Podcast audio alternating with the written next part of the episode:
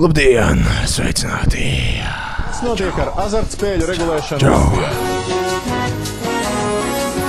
Šīs nedēļas saimnes darba kārtībā iekļauts jauna azartspēļu likuma projekts. Kopš vakardienas tas izraisīs tautas partijas un jaunā laika konfliktu par to, cik tālu šī sfēra jāregulē valstī un cik tālu pašvaldībā. Pēc kādiem kritērijiem un kam jāatļauj vai jāierobežo azartspēles? Diskutēsim šovakar, kas notiek Latvijā. Mēs esam tagad savā brīvā zemē. Tā zeme ir mūsu, tā valsts ir mūsu, viņas nākotne ir mūsu. Mums ir beidzīgi. Es esmu Latvijā. Mīļā zeme, Latvijas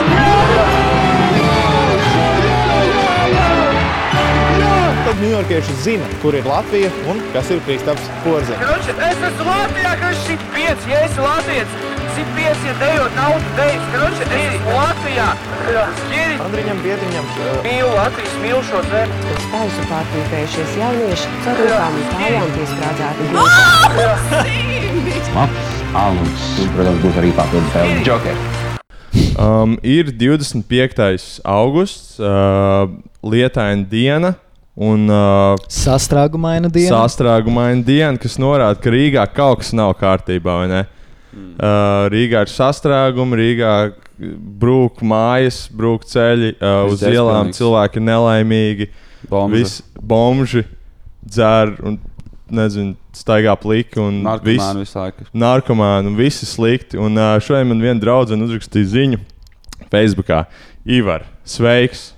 Par ko jābalso? Mm, mm. Un es nezināju, ko viņai pateikt. Tāpēc esmu savācis šeit uh, divus fantastiskus uh, jaunos politiķus, ja jūs varat tā dēvēt. Nu, Ā, ja, ja ir sarakstā, tad man liekas, cits ja izvēles sarakstā, nav. tad jūs esat politiķi, politiķi uz dzīvi. Uh, Igors no progresīviem attīstību par. Jā, attīstībai par Attīstībai. progresīvie kopīgais saraksts uz Rīgas domu. Mm. Jā, un Krista, uh, nevis Kristers, kas ir viens cits mūsu draugs, uh, bet. Kristaps Gulbis. Čau. Jā, tieši tāpatās, un esmu no Nacionālās apvienības un LRA kopējā sevi. Uh, nu, čau, sveiki, Džeki. Kas, sveiki. uh, kas jūs tādi esat? Nu, kas, kas notiek? Kāpēc jūs esat uh, izvēlējušies būt par politiķiem? Jā, tad man sāk, laikam. Um, Vienalga, vienalga. Nu, principā tā ir tāda vēlme kaut ko izmainīt pilsētā un padarīt to labāku citiem cilvēkiem. Ja Mhm. tieši mēs runājam par Rīgas domu. Un, nu, tās problēmas jau ir bijušas visu laiku, kur, par kurām visi ir runājuši. un Tagad ir bijusi vienkārši iespēja uh, kaut ko izdarīt lietas labā. Sākās ārkārtas vēlēšanas, un es nolēmu piedalīties. Aha. Un Pats savu rīznieks, jā? Pats esmu rīznieks, jā. Dzīvoju nu, šobrīd Maskačkā. Jā. Un, jā, Un pre precīzo adresi varbūt? Precīzo adresi. varbūt bez precīzās Ja atbildes. kāds ziedus grib tam. ā, nosūtīt, ā, Tāpat neviens īsti neklausās. vai Nav- nav- ķieģeliem, nav es ko te. slēpties. Nav ko Rakstiet man dienu. Jū. Un uh, Starp 36 un 103 varētu būt kaut kur.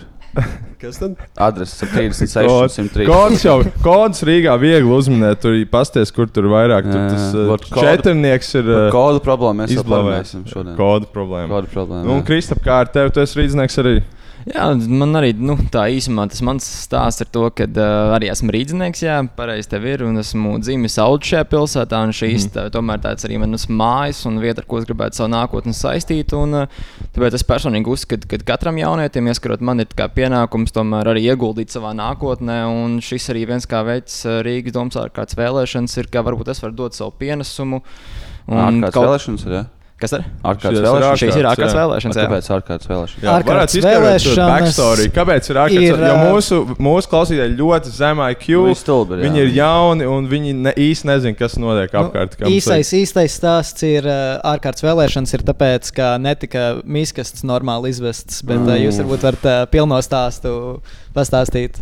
To jūs jau gan jau zinat. Arī ir tāds rindas bērnu dārzā. Nu, Nē, nē, bet tieši tas bija iemesls, kāpēc Saima atlaida Rīgas domu. Bija tāpēc, ka bija nu, šis. Tas skandāls, vai teiksim, kā, ka nenotika pareizi un liekas, kādu pusgadu visa atpakaļ atlaida, mis, vai ne? miskastu izvešana. Man liekas, sanāk. Kas tur notika? Kas tur bija beigās? Mēs bez domas tagad esam visi. Nē, nu, Um, Kā mūsu pilsēta var darboties? Nē, Ušakova aizina, bet uh, saskaņa jau palika. Nu, gods kalpot Rīgā jau palika. Nu, labi, labi, labi. Nu, kas tagad Nē, notiek? nu, tad, uh, ok, sākam no sākuma. Tad uz pāris vārdos pārsvarā. Uh, tiešām bija problēma ar atkritumiem. Tad notika balsojums par Rīgas domas atlaišanu. Uh, un, un, un, uh, un pēc tam tika noteikts vienkārši ārkārtas vēlēšana datums, kas sākotnēji mm. bija februāra beigās. Mm. Un pēc tam tas tika pastums dažādos veidos, juridiskos, nejuridiskos, vis visādi. Dēļ Covid, jā. Viņa Covid vainoja, vai ne? Jā, no sākuma tika pastums uh, no februāra tad uz martu, tad sākās Covid, Mhm. -hmm. tad uh, pastuma vai ne uz uh, maiju, tad uz jūniju, un tagad mēs esam augustā. Un izskatās ļoti cerīgi, ka nebūs uh, vēl viena pastumšana uz priekšu Jā. šīm vēlēšanām. Nu, un tad Nu, sanāk tā, drīz it jau nāk, ne? Jā, jā, jā. Tūlīt. Rītdien, starp citu, var jau nākt balsot. Kāda no jūsu partijām sola kaut kādu digitālo vēlēšanu sistēmu ieviest, kaut kādā, nezinu, varbūt blockchainā vai kaut kā tāda? Starp citu, es dzirdēju no, tieši no Nacionālās apvienības kaut, kas, kaut ko šādu runāja pie Domburta, ja viņš viņu pieminēja. To personīgi, varbūt, kā tas ir realizējams un cik tālu tur kādā blockchainā Jā. vai e-vidē to darīt. eh, Es nevarēšu vairāk komentēt, bet uh, tādā ziņā mans personīgais viedoklis arī tomēr, kad es piekrītu, ka uh, ir tā varbūt nogurdinoša. Ne katrs ir spējīgs paspēt sev atbrīvot veselu stundu no Mhm. dienas, lai ietu katru savu tuvāko, tur varbūt iecirkni. Vai dažkārt arī ir bijis tā, ka kaut kur vispār Rīgas otrā galā atsūta vēstuli, lai balso tur un nesanāk. Ka, nu, es arī uzskatu, ka varbūt nu, lēnām ejot uz e-vidas arī būtu ērtāks veids, kā Jā. to darīt. Gan jau, jā, gan jau. Jo tur nevajadzēja būt baigi grūti. Jau tie e-parakstami, tu kaut kā var ielgoties un nospiest to pogu. Kas jā, tāda ar arhaiska metode, vai ne? Lapiņas mēs teiksim. Jā, jā. Nu, bet uh, no otras puses uh, ir, ir arī drošības riski. Es esmu pietiekami futuristisks cilvēks, bet man liekas, tur ir vēl. Tur vēl tāls ceļš ejams līdz tādām drošām, tiešām elektroniskām vēlēšanām. Kuriem interesē Latvijas, Latvijas vēlēšanas? Kurš gribētu? Nezinu, varbūt kāds saskaņas hackers. Starp citu, šodien mums nav saskaņa pasaukt, jo mums vienkārši nepietika mikrofons. Nē, viņi viņa fucking atcēla. Ko dari? Mēs viņiem prasījām, viņi nāk, viņiem tāds būsim, kam būsim. Tā viņi uzzināja, ķip, ka būs čaus no Nacionālās apvienības. Viņiem tāds Sabijās uzreiz. Bet jā, nu, Šo, šoreiz ne. Nezinu, varbūt jāapskaidro klausītājiem izvēlēto viesu, varbūt tā kā, nu, kāpēc, kāpēc tieši attīstībai par un, un NA.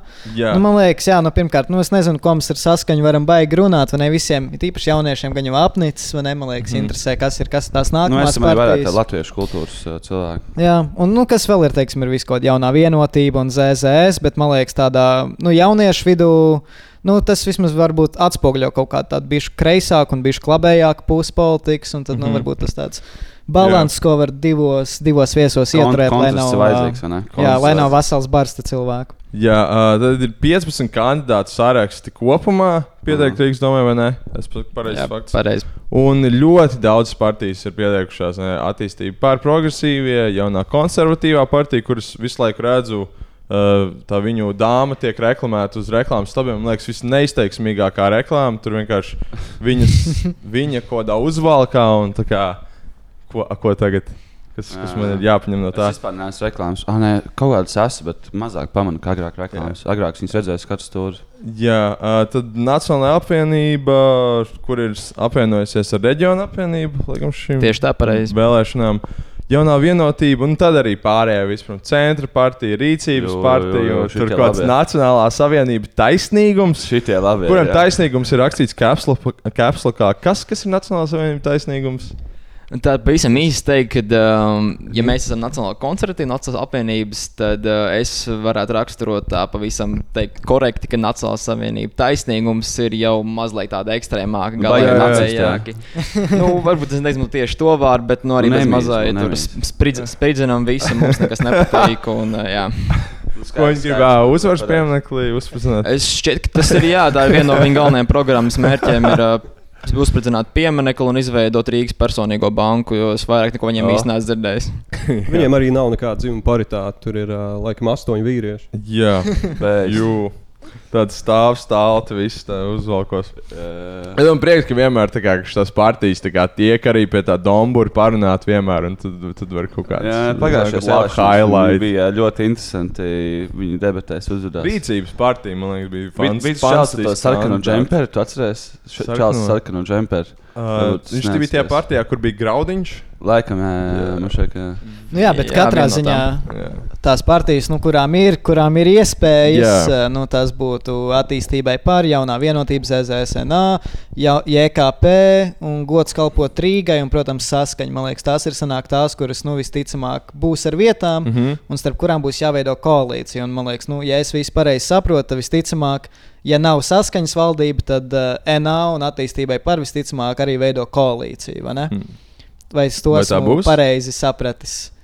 Nē, Nu, tā kā tas mūsu mērķis ir patiešām nākt un uh, nomainīt esošo varu, kas ir valdījusi desmit gadus. Jo Jā. Tā būs mm. ies, lielākas iespējas mums nomainīt arī uh, visas. uh, Tikt galā ar korupciju, ieviest jaunas izmaiņas, jaunas vēsmas un tā tālāk. Un tad Visu, tā ko, visu, ko man vajag, būs man vajag uh, transportu Nu. pa brīvu.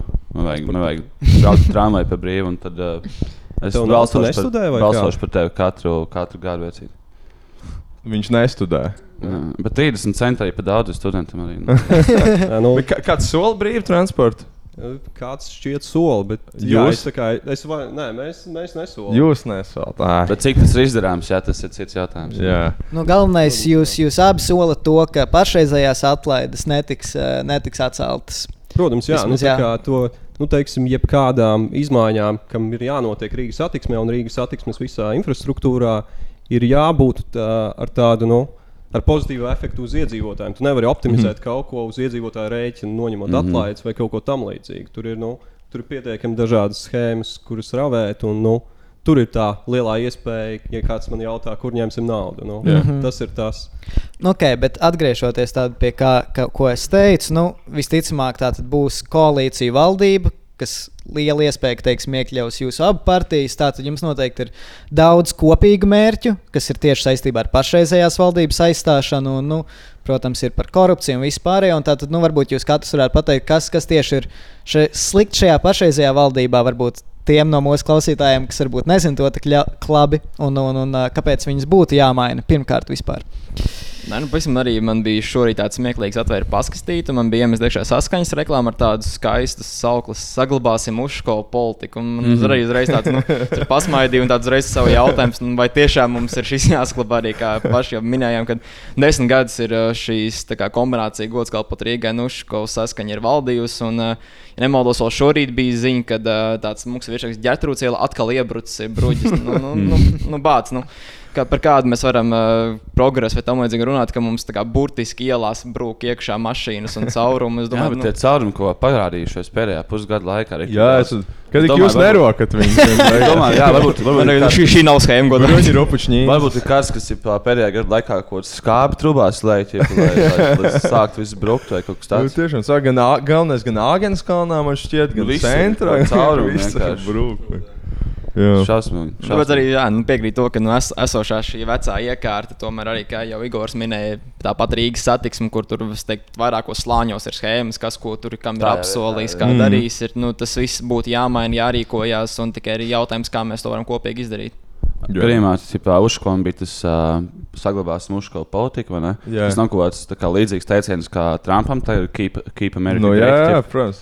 Tie, tie kas pie varas, jau, protams, saka, ka ir viss Jā, nu, ir labi. Uš, Ušakovs varbūt fiziski vairs neatrod šeit, bet, Jā, tā, bet tas- viņa gars vēl joprojām, vēl joprojām ir šajā politikā. Nē, es respektēju Uškam, viņš tāds jauks lācīts šķiet.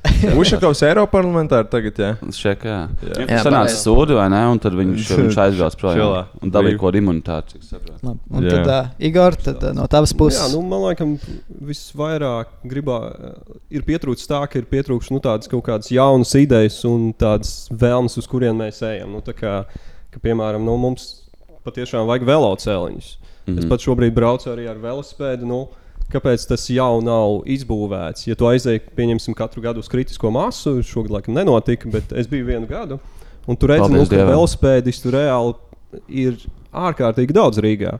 Bet infrastruktūra nu, tam vienkārši netiek līdzi. Tas ir nu, Mhm. tāds politiskās izvēles jautājums. Nu, mēs Mhm. nākam ar jaunām idejām, ka, nu, ka mums ir jāizvēlās par labu zaļākai politikai, uh, gājējiem, velospēdistiem, draudzīgākai un nu, cilvēkiem ar visādu veidu riteņiem. Es Teiktu, jā. Jā, uh, ko Super, jūs super. nacionāli domājat par tiem riteņiem un vispārējo? Vajag vai vajag, vispār? vajag, vajag, vajag riteņus vai nevajag? Reāli. Tā ka nevajag riteņus, nu, protams, ka nevar teikt, lai gan nu, personīgi es vairāk pārvietojos ikdienā ar mašīnu.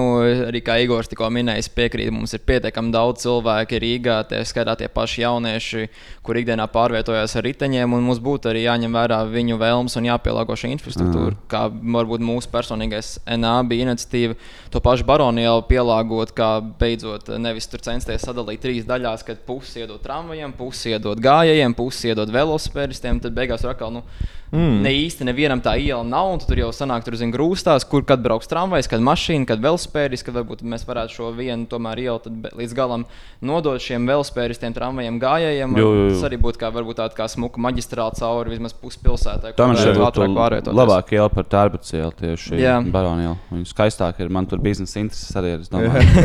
Mēs varam paturēt uh, Baronielu kā garajai. Jā.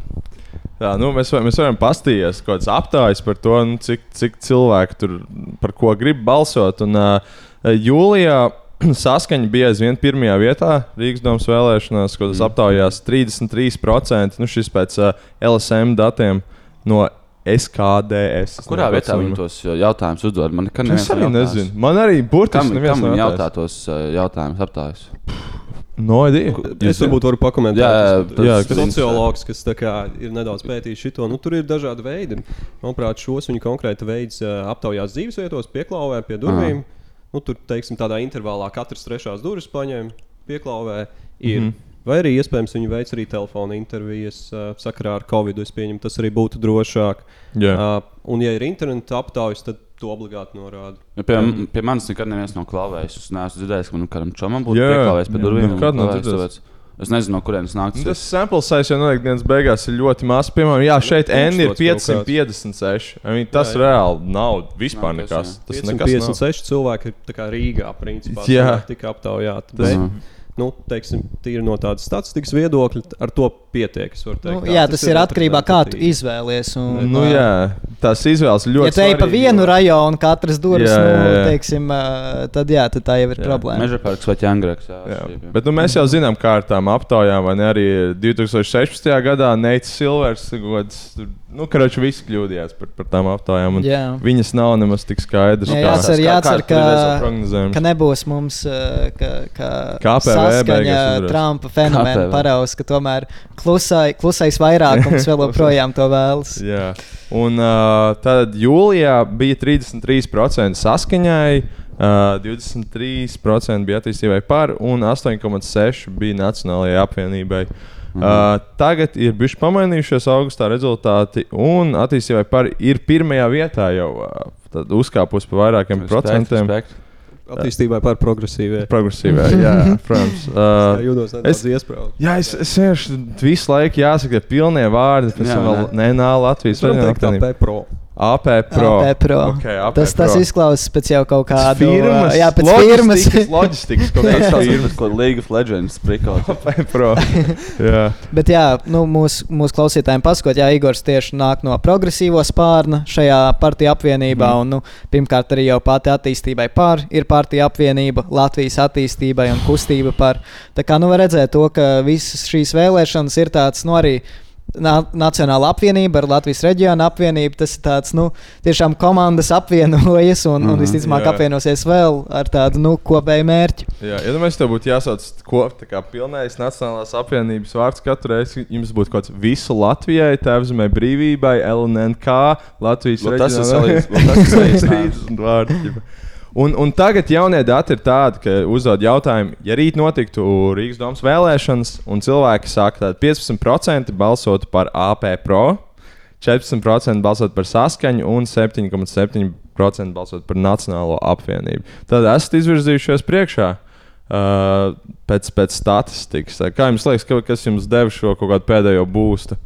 Tas visas 101 reklāmas. Jā, nu, jo principā pēc procentiem saskaņa ir kritusi no aptuveni Jā. pa pusi, kas ir diezgan liels Tagad ir daudzums. cits jautājums, bet viņi ir nokritusi. Jā. Jā, jā, nu, tas ir arī. Es to teiksim, es redzu, runājot ar cilvēkiem ielās, nu, ka viņi patiešām. Uh, Te viņi jums uzdod tagad runā jautājumus, ar cilvēkiem atbildes. uz ielām, tā kā nu, mums ir prasa, teiksim, ko par mani domā? Jā, mēs tā. Bijām gājuši, es runāju tiešām ar cilvēkiem uz ielas. Mums ir atsevišķas telts dienas, mēs mums praktiski sanāk no 5-6 reizes nedēļā šo visu pēdējo augustu biju, un pirms tam arī iepriekš. Aha. Uh, nu, jā, un, un, un, uh, un principā es runājot ar cilvēkiem, es jūtu viņos tādu entuziasmu nu, par, gan par Mārtiņu Staķu, kā topošo mēru, gan arī par mūsu visām idejām, kuras mēs tiecamies realizēt. Un, Veiksmi jā. Jā. Ja jūs varēsiet sadalīt abi divi, ja to sili, ja jūs iesiet viņus. Jums jau kopā būs jāsēž, vai ne? Lai jūs uh, uzvarētu beigās uh, to, to pastāvošo varu. Nē, nu, par silas dalīšanu es tur domāju, ka mums nebūs nekas tur jādala, bet to, Jā, kas jā, tur jā, jā. sastrādāt Nebūs, komandā, es nebūs, domāju, nu, kā jau ir pierādījusies arī ir saimā un valdībā, kad at- gan attīstībai par eh, gan nacionālo apvienību spēju sadarboties. Es domāju, ka arī Rīgas domē tas pats būtu iespējams. Kā Nu, jums šķiet, ja, ja attīstībai pāri pro spēlētu tautas bumbu pret citu nacionālu apvienību, kurš uzvarētu? Es saku, Nacionālā apvienība. Es Man šķiet, ka domāju. varētu. Jā. Vai Uh, ZZ čempionātā piedalīties? ZZ čempionātā. Tā vajadzētu uzvarētājs noskaidrot. Bet bija tā kā pirms vēlēšanām, bija pa LTV viens, bija kaut kāds tipā. Tagad ir moderni tie escape roomi, un tad katrai ķipa, tur, partijai vajadzēja, kaut kas no escape room tikt ārā. Tur ķipa. jauni cilvēki jāsūta, veci cilvēki būs. Jā, jā. Bija kaut kas tāds pirms pagājušajiem, es atceros. Bet jā, par, par tām pašām progresīvo reklāmām man viņas ir nokaitinājušas. Es teikšu, godīgi, Facebookā. Man visu laiku uzlec kaut kāds tas Mārtiņš, un viņš kaut kā tur mācās, tipo, o, paskaties, Viņā ir tik labi, a mums ir tik slikti. Paskaties, re, ko Amsterdamā ir tik labi. Un kāpēc mums ir slikti? ķip? Un tā kā visu laiku šitais tons, kā citur ir labi, mums ir slikti. Kāpēc tā? Kāpēc tā? Nē, nu, tas jau nav par to, ka mums ir slikti. Un... Punkts, vai ne? Tas ir mums ir slikti, bet mēs varam tāpatās kā Amsterdama, Kopenhāgena un Aha. Viļņa ir mūsu vistuvākais patiešām piemērs, kur ir, nu, uh, kur ir ārkārtīgi daudz kas izdarīts. Viņi būvē nu, 30 km velosipēdu gadā. Tas ir, nu, tas, ir Jā. tas, uz ko mums ir jāiet arī. Un mēs nu, to varam tiešām sasniegt. Mhm. Tas ir Bet nu, progresīvā nav vismaz tik traks reklāmas kā paga pagājušajās vēlēšanās, kur bija uh, Ro Ro Roberts Jā, Bunks. kas saka, Roberts Putins? Kas ir Roberts? No, kas ir Roberts? Viņš visu laiku man, man, ir- man rādījās kaut kāds sponsored reklāmas, kur Roberts jau kaut kādu selfiju taisa. Es kā nesapratu, kas, kas, kas Man, man katrā ziņā liekas, tas, ka progresīvie ir, ir uz labāka ceļa bez putņu vadības. un es to saku simpātiski, Jā. uh, bet, bet uh, jā, nu, te jau redzēs, kā būs nākamajā saimnes vēlēšana ciklā, ka iespējams atkal jau būs atsevišķs saraksts. Jā, kas, kas notika ar Robertu? Viņš jūs viņu. Nē, Kas nu, ir kas ir šobrīd Roberts? Roberts ir uh, biedru statusā. Mums bija uh, iepriekš kongress, tad nomainījās valde. un Viņš teiksim, vēlējās palikt kā biedru statusā, jo viņš bija tiešām uh, ārkārtīgi lielu darbu izdarījis gan saimnes vēlēšanās, gan arī Eiropas parlamenta vēlēšanās. Tur bija milzīgs viņa ieguldījums. Un var saprast, ka cilvēks pēc vēlēšanām nu, patiešām nogurs. Jā, beigās tauta viņu rejektoja, ne? Kas tad? Beigās tauta viņu rejektoja. Jo es redzēju visu laiku Nē, nu, cilvēkiem. Viņš... mums, Nu, kā viņš taču dabūja mīnus visvairāk?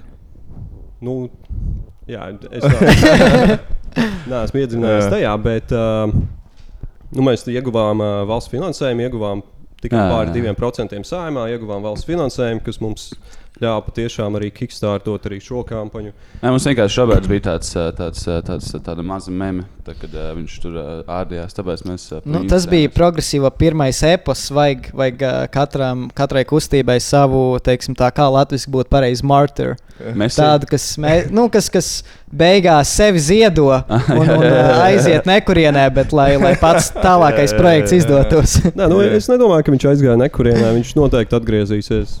Jā, Nē, Mums nu, pasaka, ka nevajag. kārtībā. Jā, viņš. nu, tādā ziņā, ka. Jā. Nu, man viņš noteikti ir pazudis, jo, jo man viņš nobloķēja visus tīklos, un arī progresīvie man ir Twitterī nobloķējuši. Es Kāpēc nezinu, tā? kāpēc. Kāpēc tā? kāpēc?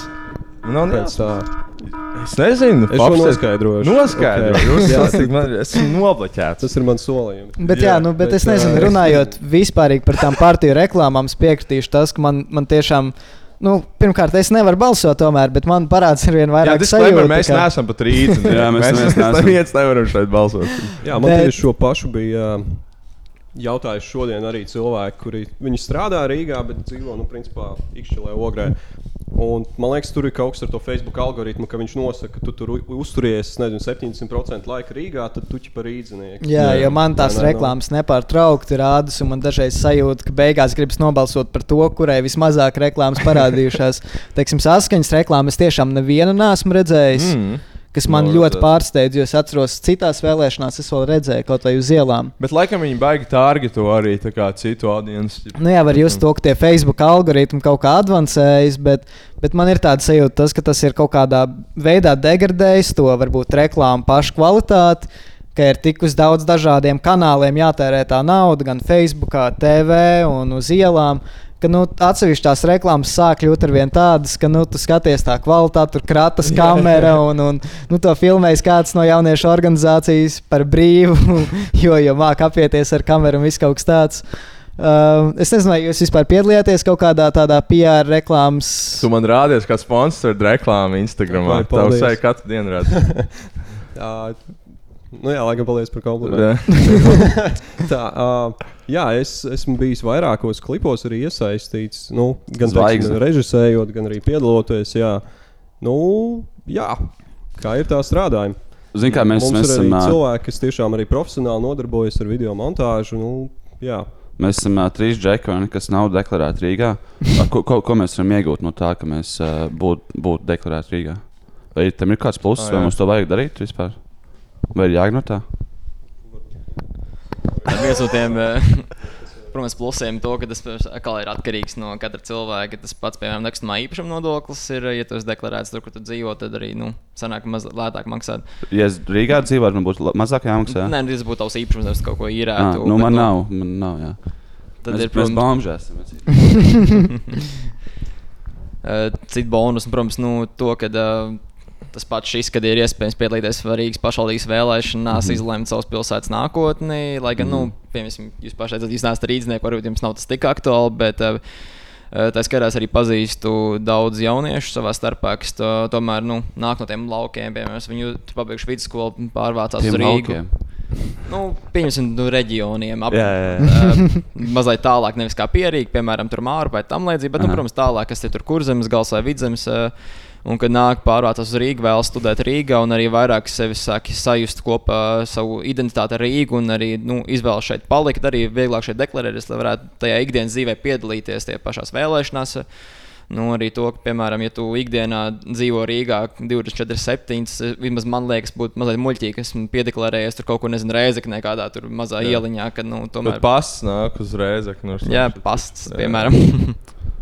Jā, man liekas, bet, man liekas tas ir stāsts, kas ir daudziem jauniešiem. Tas, ka viņi principā uzturas Rīgā, Jā, jā. vai nu šeit strādā, bet, nu, teiksim, joprojām deklarējušies vecāku adresē vai kaut kas tamlīdzīgs. un tad- tieši jā. Nu, jā, sanāk, man liekas, ka jauniešiem dažreiz uh, sanāk tā limitēta viņa spēja iesaistīties uh, politiski atkarībā no viņa apstākļiem. Vai, vai jūs redzat kādu risinājumu šim te, uh, vai, vai, vai arī tas vienkārši ir, nu, kā, kā Uh, tas ir? Jā, jo, piemēram, arī viena no mūsu tieši jauniešu iniciatīvām priekš uh, NLRA vēlēšana programmas bija šī Rīgas jauniešu doma, ko mēs arī bijām konsultējušies Latvijas jaunu padomu. Tā ir tāda nu, lielāka organizācija, kas apvieno aptuveni 10 000 jauniešu pēc viņu pašu Mhm. statistikas visā Latvijas plašumā, kur viņi arī atzinīgi novērtē. Un šī bija domāta tāda, ka jo mūsdienu jauniešiem ir tā, ka viņi vēlas tikt uzklausīti un arī viņi vēlas iesaistīties un arī nākt savām idejām, kas eh, vismaz manā uzskatā Rīgā patreiz nav īsti ņemts vērā un nav dot šāda platforma.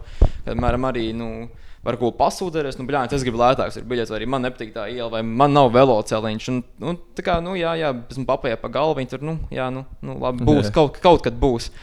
Un arī piemēram, šī Rīgas jauniešu doma varētu būt uh, tāds, kā šī platforma, kur uh, aktīvākie jaunieši Rīgā arī varētu sanākt kopā un tad jau risināt šīs viņa, gan viņa aktuālās problēmas, gan i- nu, iniciatīvas un idejas, jo pašvaldības līmenī tur piesaistot atbalstu no paša Rīgas pašvaldības, vai sadarboties kopā ar NVO, visādiem uzņēmējiem un tam līdzīgi. Mhm. Tā arī ir organizējoties, jo kā labs piemērs.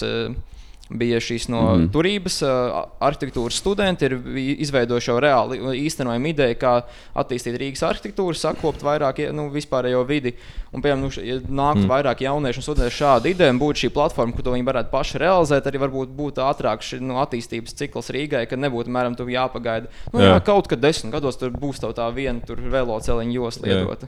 Ko jums vispār domājat par Rīgas arhitektūru? Jums, jums liekas, labas tās jaunās celtnes, kas tiek celtas, nu, piemēram, jaunais Origo, vai, vai jums atkal nepatīk? Tā kā- Nu, šobrīd tas uh, lielākais jautājums Rīgai ir tas, ka mums nav tāds dizaina kods izveidots. Jā, Piemēram, man liekas, ne? ka tā tās jaunās mājas baigas viss izstāsta vienkārši pēc tām, kas kaut kādā Stokholmā ir. Ķip, nu jā, ka būtībā vienkārši visās lielajās pilsētās tā kā ir tas vienādas, modernās mājas, tur ir daudz logiem un tādā garā.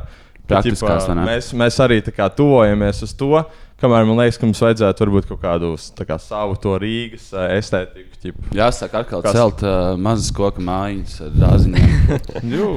Šajā gadījumā un viss. to pirku pārtrauc, kad um, kas arī piekrītu Igoram, ka mums vienkārši Rīgai nav bijis tāds kopējs attīstības plāns yeah. šim izveidots. un arī, eh, Jaunās mājas ir, protams, jauka un viss labi, bet nu, tomēr būtu jāstāsta, lai viņas iedara tajā kopējā Rīgas kopskatā. Mm. Jo, piemēram, tas pats Āgānskalnā, tie zētorņi, nu, tikai tu skaties, Āgānskalns tāds vairāk nu, vēsturisks rajons, tās pašas mazās koku mājas un tam līdzīgi, un tu pēkšņi divi stikla cilindri. Nu. Un Vismaz man personīgi īsti tas neuzrunā un neuzskata. Varbūt tas ir kā mans iekšējais vēstures students, kas runā, ka mm. man tomēr labāk patīk, ja mēs varbūt kaut kādā atrastu to sinerģiju starp vecajām un jaunajām mājām, arī tos kultūra vēsturiskos pieminekļus tādējādi atjaunot, nevis vienkārši brutāli no, nogāžam visu nost, ir, jā. bet uh, ieguldam, izmantojam to, kas mums jau reāli ir. un tad Ko mēs ar uh, uzvaras piemēru darīsim? Mm. Bet, bet ā, tā tad papildinot to, ā, kādas tad ir opcijas vai rīki, kā teiksim, Rīgas doma var šo ietekmēt. Tad, Igor, tu pieminēji dizaina kodu, Jā, dizaina vai tas kods. ir kaut kas, ko, kas ir darāms un, un, un Jā, jā tas tas ir izdarāms. Nu, piemēram, nu, tik vienkārši, ka mēs varam, piemēram, kaut kādā konkrētā teritorijā, vecrīgā, noteikt, kādu fontu vajadzētu izmantot uh, visiem veikaliem. ir. Piemēram, tas ir, Mm. mm. tas ir sīkums, izdarāms rītdien. mhm. Bet, nu, un tur var vienkārši vairāk likt lietas, kurām vajadzētu būt. Nu, piemēram, kādas ir tie uh, jumta platumi, kādas ir krāsas un viss kaut kas tamlīdzīgs. Un to var noteikt, un, protams, kaut kādā ziņā salāgot to tās jaunceltnes, kas tiek celtas, bet noteikti viņām nu, tādus konkrētos parametrus, kādus mēs viņus gribētu redzēt, lai viņas izstāsta sakarīgi. Es neesmu Mm. arhitekts, Jā. bet nu, man šķiet, ka tas ir tāds salīdzinoši pašsaprotams lietas. Vecīgā nu galīgi neko nevajadzētu jaunu celt mums šeit. Mm. Vecīgi, lai paliek kāda ir, vai ne? Un, uh, Pilnīgi piekrītu arī to, ka nu, jau esošā vecrīga, nu, tur reāli ir tukšs telpas, tukšs veikaliņš. Nu, un Tukšs vispār mājas, kur vienkārši tikai mazliet jāpieliek roka, lai varētu atkal viņu savest tādā nu, diezgan estētiskā, skaistā kārtībā. Un Jā. Jā. tā vietā mēs paņemam, uzceļam vēl vienu stikla būru blakus un nosaucam Mm. to, re, ka mums būs hotels. Jā. Pats vecrīgas centrs. Nu, jā, Man jā, liekas, jā. man liekas, tas ir gan ne tikai Vecrīgā, bet arī liekas, ļoti daudz Rīgā var redzēt ēkas, kas ir teiksim, ļoti labos rajonos, centros, teiksim, tā, kas atrodas pretī Dēls teātrim, kas arī ir pilnīgi tukšs. Bet Tagad izstāsta, ka notiek kaut kāds remonts, bet ir daudz ēkas, kas stāv tukšas, Jā, netiek tas ir Dēls izmantotas.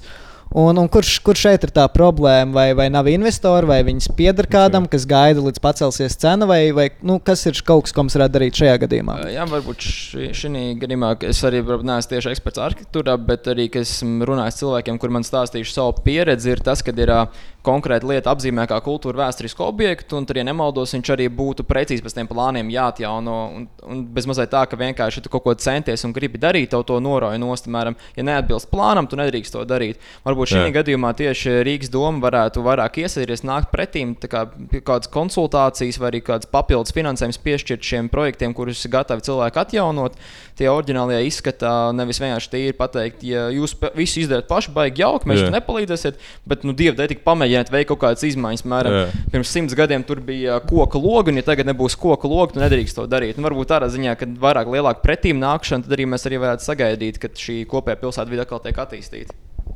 Jū. Nu, principā, jā, man tāds ļoti, ļoti redzams piemērs ir Elizabetes un Marijas ielas krustojumā. Tur ir mm -hmm. viens Mhm. milzīgs grauds. jā, jā. Un viņš tur stāv. bija nu, zaļais kaut kāds vairākus gadus virsū. Ķipa. Jā, jā, tur t- tāds zaļš tīkls, Jā, un jā. tur ir, nu, tur ir tāda kaut kāda koka, tā, tas rāmis. Atceries, un agrāk pretī nu, bija tāds, tikai, nu, tikai siena no mājas. Tā kā pirms gadiem, nezinu, 15. Jā. Tur pretī bija tikai siena no mājas palikusi un tā kā balsts, un tad viņi nojauca un uz, uzcēla arī stīku hotelu. Bet jā, sorry. Nē, nu, jā, nu vai ne? Un par tādām vietām ir jādomā, jo nu, Mhm. tas, tas tomēr nav ok, ka pilsētas centrā Jā, jā, jā, praktiski stāv tāda ēka. un Tur ir jāskatās, kas tas ir. Varbūt tas ir arī teiksim, kā investīcija objekts nopirkts, un cilvēks vienkārši gaida, kamēr cena uz, uzliks augšā. Es, Jā, nu, kom, jā. par to konkrēto vietu es zinu, ka tur ir. Kaut kādā 2007. gadā viņi ir pārdoti piecas reizes, Aha. un tad pēdējais tā kā palika ar Jā. to mantu, un tad sākās uh, krīze, cenas kritās. Nu, Vajag, vajag privatizēt un nojaukt un viss. Nu. Nu Jā, bet uh, turpinot par aptuveni uz, uz šādām tēmām, uh, nu, man liekas, protams, ir, ir viena daļa, kas ir par tiem solījumiem, par to, ko mēs varam darīt, visi plāni, kas, protams, viss ir ļoti forši un jauki. Bet, nu, lai to varētu darīt, man liekas, nu, vispārīgi ir jāveic kaut kādas tādas struktūrālas izmaiņas, vis kaut kādās.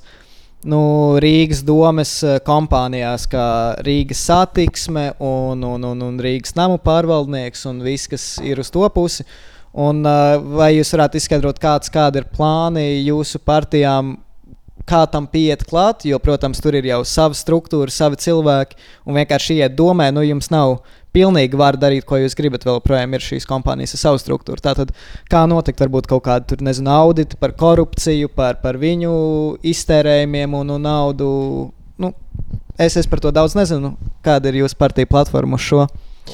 teiksim, tā Rīgai ir uh, birokrātijas apkarošanas. Uh, Mm. Kas tā skaitās, aģentūra vai tāda nu, Tā viņu sauc, jā? iestāde, jā, tieši Rīgas domē, iekšēji Ok, okay. strādā. ok. Okay. Un tad viņu vajadzētu tiešām at attīstīt par tādu antikorupcijas uh, veselu um, biroju, bez maz, vai varam, varbūt tā teikt, kas arī varbūt skatīsies. Uh, Un meklēs to visu nesaimniecisko, kas ir noticis. Jo šobrīd mēs esam jau sāk, ir sākts kaut kāds tāds, nu, pats basics, ir uztaisīt tādu pirmie auditi, uh, kapitāla sabiedrībām, un, un, un, un viņi jau ir Mm. pieejami. Viņus katrs var izlasīt. Uh, protams, Rīgas domniekiem tur ir viņi bijuši izvērstāki. Uh, bet jā, tur tiešām ir vienkārši jāsāk ar to antikorupcijas biroju pat tādu patiešām izveidi. Un tad ir jāsadarbojas ar visām tiesību sargājušām iestādēm valstī. Arī, A, lai, mums jau nav ā, knap, kas to dara? un runā- Knap dara, jā. Un ar Bet viņiem arī vēl, tur vēl neatkarīgi, vēl vienu kaut kādu būdiņu, kas tā kā vēl viņus pieskatīja. Nē, nu, tur Tieši jau ir domas tas, kontekstā, Tas gan. ir tieši domas kontekstā. Okay. Tur sadarbības ar prokuratūrām un visu kaut ko tam līdzīgu. Mm -hmm. A, kas beigās uh, Ušakovs arī noņēma no varas, kas, kas, kas bija tā kā.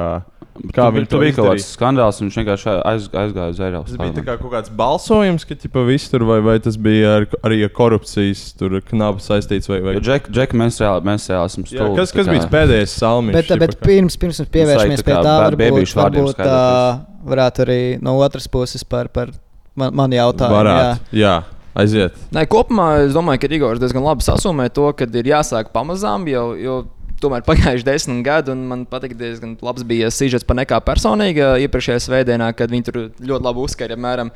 Kad katrā tajā rī- arī tevis minētajā Rīgas, um, tādā kā ne institūcijā, bet uh, uzņēmumā Rīgas satiksme, Rīgas nama apsaimniekotājs, Rīgas tas, Rīgas tas, visur kaut kur ir pietuvināti šie vecie saskaņas saskaņas, ne schēmas, bet nu, saskaņas varas cilvēki. Kat, katrā Nu, vietā teiksim, viņi ir valdē vai- jā, vai vai nu valdē, vai tur kaut kādā būvniecībā uzreiz tiek bez konkursa, tiek viņš dots.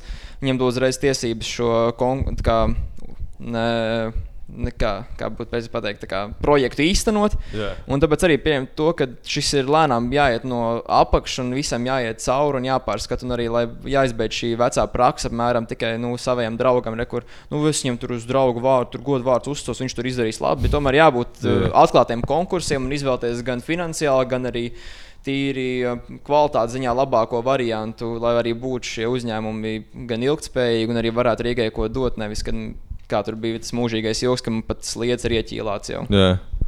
Ju, uh, nākamais lielais jautājums pēdējā, pēdējā laikā esmu pamanījis tāds uh, populārs apgabals, Instagram lapa Riga Unseen. Uh, kur tiek postoti visi kaut kādi kā kadri no lielākoties no avotielas un viss tā rajona. Kur uz ielām ir nu, pilnīgi tā kā nārika vai ne? Kaut kādi, kaut kādi gerači tur ķipa durās, Jā, jā. kaut kādi Pretīgi skatīties. Kaut kādi dzērāji tur līnoķi pa ielu, ķipa kaut ko Jā, tur, jā. tur svaidās apkārt. Tas ir bīstami. Esat redzējuši šo, šo Instagram lapu? vai- Jā, ne? es, es zinu, par ko tu runā. Esmu arī ieskatījies. Bet, jā, nu tiešām tas, tas skats varētu būt tāds nepatīkams. Bet tur ir tiešām tas lielais jautājums, kuru es ļoti reti dzirdu, ir, nu, ka, kas tur notiek. Kas ir tie pa cilvēkiem? Kā viņi tur nonāca? Pieņemsim tā, un tā, nu, tā uzdod. Jā. šobrīd tas diskurss ir tāds, nu, apskatieties, tur viss ir slikti. Nu, Jā, jā, vajag vairāk policiju. Tagad Jā, apmēram tas Policija, kas aizdzen un aiziet vienkārši Jā, tālāk, aiziet jā. nomirst Jā, dzīvoklī. nu, tā kā, vai policija to problēmu ir atrisinājusi, ka mēs viņus esam pabīdījuši no jā. vienas vietas uz otru, vai Jā, jā, nu, tā jā. kā, es nezinu, arestējuši par narkotiku lietošanu. Mhm. Mm. Tur tiešām ir jādomā, nu, no kurienes tie cilvēki nāk, kāda ir bijusi tā viņa vēsture, lai mēs kā, varam kaut kā atbalstīt cilvēkus, kas ir uz tās nu, robežas, lai nokļūtu turpat. Un otrs ir, kā mēs varam. Nu, Palīdzēt cilvēkiem tikt vaļā no atkarībām. Un nu, policija tur ir salīdzinoši maz tādu reālu rīku. Nu, Lai, laimīgs cilvēks, laimīgs cilvēks ne, nepaliks ar Man, man arī liekas, policija šajā kontekstā neko baigi daudz tur nevar izdarīt. Ķip, viņi tieši, tieši vēl tā kā hujovāk izdara, ķip, ko sodu uzliek. Mm. Mm. Tā nav naudas, tev ķip, es nezinu.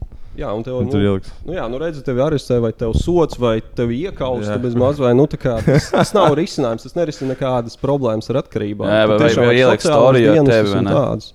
Jā. Ieliek storiju ar tevi, un tad uh, ir, um, viss ir atrisināts. Bet. Tad, uh, kā mēs, mēs uzzināsim, uh, kāpēc viņiem ir sūdīgi, kāpēc viņi ir nariki, jā, un tad mēs kaut ko tādu risināsim. To. Jo, jo, jo es pats tik bieži neredzu viņus, vai ne tos uh, līkos cilvēkus. kā uh, tu neredzi? Intern, internetā sēžot, viņi izstāsta, ka viņi vairāk. Kāpēc pēdējā laikā. Jā, tieši, tieši avotielā man liekas, tas baisais īpatsvars. Jā, tur, lai gan ir tieši policijas iecirknis, bet kaut kā ir. Mm -hmm. Man Mhm. liekas, ka, me, un, un man liekas, ka kā lielākoties arī netvērst konkrēti tos kā, cilvēkus, par kuriem viņiem jau liekas, ah, šis nevar izglābt kaut kādas tur tos. Piemēram, Origo visu laiku bija kaut kāda rīktīva sketčī tipāža pie paša Origo. Un uh, pašos vakaros bija ķipa, tur bailīgi iet, vai ķipa, draudzene iet, viņai tur vienmēr kaut ko bļaustās virsū. Un policija nav gluži tur, ķipa, bet tas, ko viņi dara, ir kā tur uh, skatās, vai sīkie pīpē cigaretes un tādā garā. Ķipa. Nu, Tas ir vienkāršāk to darīt. Jā, jā, jā. man liekas, ka policists arī tā kā pašs bišķiņa. Uzšaut viņiem pa dibenu. Bet, nu, ir, ir tās uh, telegrāma lapas, lapas vai ne, kur notiek narkotika tirzniecība. Varbūt jūs dzirdējuši par tādām lietām. Un, uh, es nezinu, vai tas tā ir, bet tā varbūt ir. Un, uh, tas viss notiek arī tieši pie policijas iecirkņa, es saprotu, avotā. Mm. Jā. Un, uh, un, jā, varbūt Tas tur ir būtu savādi. um, tur ko policija Kāds, kāds ir uh, Nacionālās apvienības stends par, par, par narkiem uz ielas? Nariku uz ielām. Ne, šajā gadījumā es personīgi arī varu no vienas puses piekrist Igoram teiktiem, ka uh, tīri vienkārši visur uzsūrīt virsū policiju. Nu, tas nav īsti Mm. kā labs variants, jo, nu, kā arī mēs paši tikko pasmējāmies, ka nu, vi, diezgan bieži policija atnāk, tur pienāk viens tur aizmīts soliņš, tur pakrata pirksts. Nu, nu, lūdzu, paiet tālāk. Viņš tur aiziet desmit metrus tālāk un guļ tur. Un vienkārši tā, tā, tāds mūžīgs. Nu, jā, Jā. nu, un tas mūžīgais cikls vienkārši ielikt busiņā, aizvest, izlase, izlaist atkal ārā. Viņš tāpat tā kā atpakaļ vietām, jo savā ziņā tā ir viņa māja. Diemžēl kad, nu, tas nav īsti nu, tāds ilgtermiņa risinājums, ka vairāk būtu no vienas puses ir jāstāsta, ko, kā var optimizēt policijas darbību. To, kad, uh, lai arī viņi vairāk nu, šajā visā iesaistītos, sekotu līdzi, nevis tikai nu, skatītos uz maziem bērniem, kā viņi pīpē, bet arī tu- uz tādām aktuālām problēmām, kā arī kā tu pats teici, kad uh, nakt, naktīs tumšajā laikā īsti nejūtās pa drošu uz ielām. un Jā. Tad viņiem beigās ir īsti, kur, kur tās patruļas notiek apkārt. Tieši un nak tā. naktīs centrā tiešām ļoti reti, ka tuneļos es neesmu nekad redzējis tunelī vakarā ķipā, policistus. Ķip, kas liekas, tas ir most unsafe. ķip, vieta. Jā.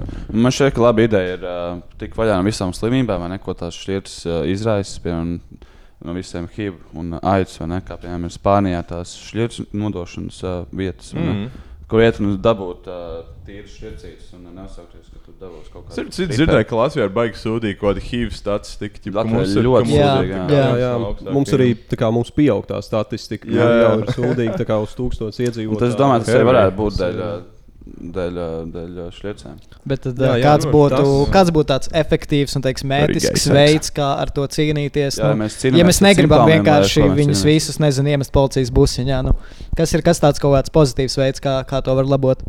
Nu, viens ir tas, ka to tad, Laukiem uh, tur vajadzētu tie, uh, iesaistīties vairāk nu, sociālajiem dienestam. Uh, otrs ir varbūt tas, ko tu teici par uh, uh, nu, teiksim, tīru šķirču vietu, kur tu vari atnākt, uh, paņemt sev. Tā tā dīlošana tā. simptomiem, bet tas var kaut ko atrisināt. jā. Kā lūdzu?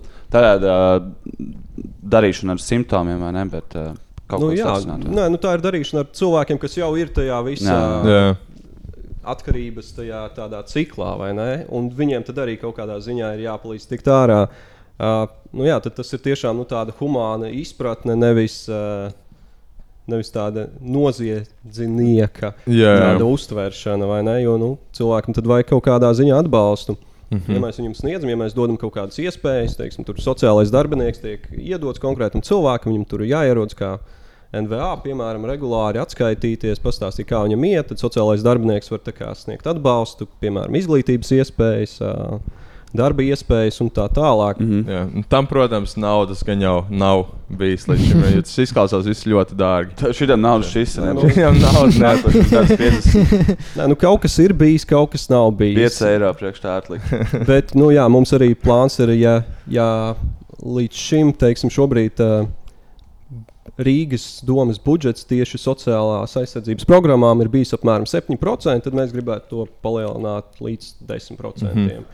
Uh, nu, kas ir ļoti ambiciozi, kas ir patiesībā cik tur 30-40% pieaugums, bet kas tieši nu, tā kā nodrošinās taisnīgu atalgojumu sociālajiem darbiniekiem, iedos vairāk resursus, lai īstenot tādas programmas un tā tālāk. Nu, Bet tad, Jā, jā. papildinot šo, šo jautājumu par naudu, nu, jā, uh, arī nu, pastoties Delfu komentus, teiksim, tā uh, ļoti daudz no komentiem ir nu, solījumi, solījumi, bet kur jūs naudu dabūsiet.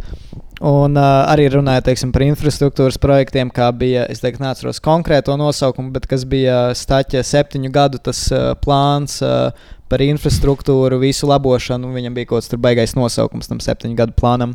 Bet, nu jā, kur, kur jūs tad domājat? uh, pieci gadu plāns. um, kur jūs plānojat, kur jums liekas, varētu optimizēt kaut kādu izšķērdību, un, un kur būtu tad šie avoti, no kuriem varētu teiksim, nogriezt tad finansējumu citām jūsu plānotajām programmām? Ko No griezīsiet? pretinieku partijas noteikti. Ko griezīsiet nost? Ušaka valgu, viņš joprojām saņem miljonu gadā. Jautājums, tad atbildēšu. Jums abiem droši, droši. Jā, jā, jā.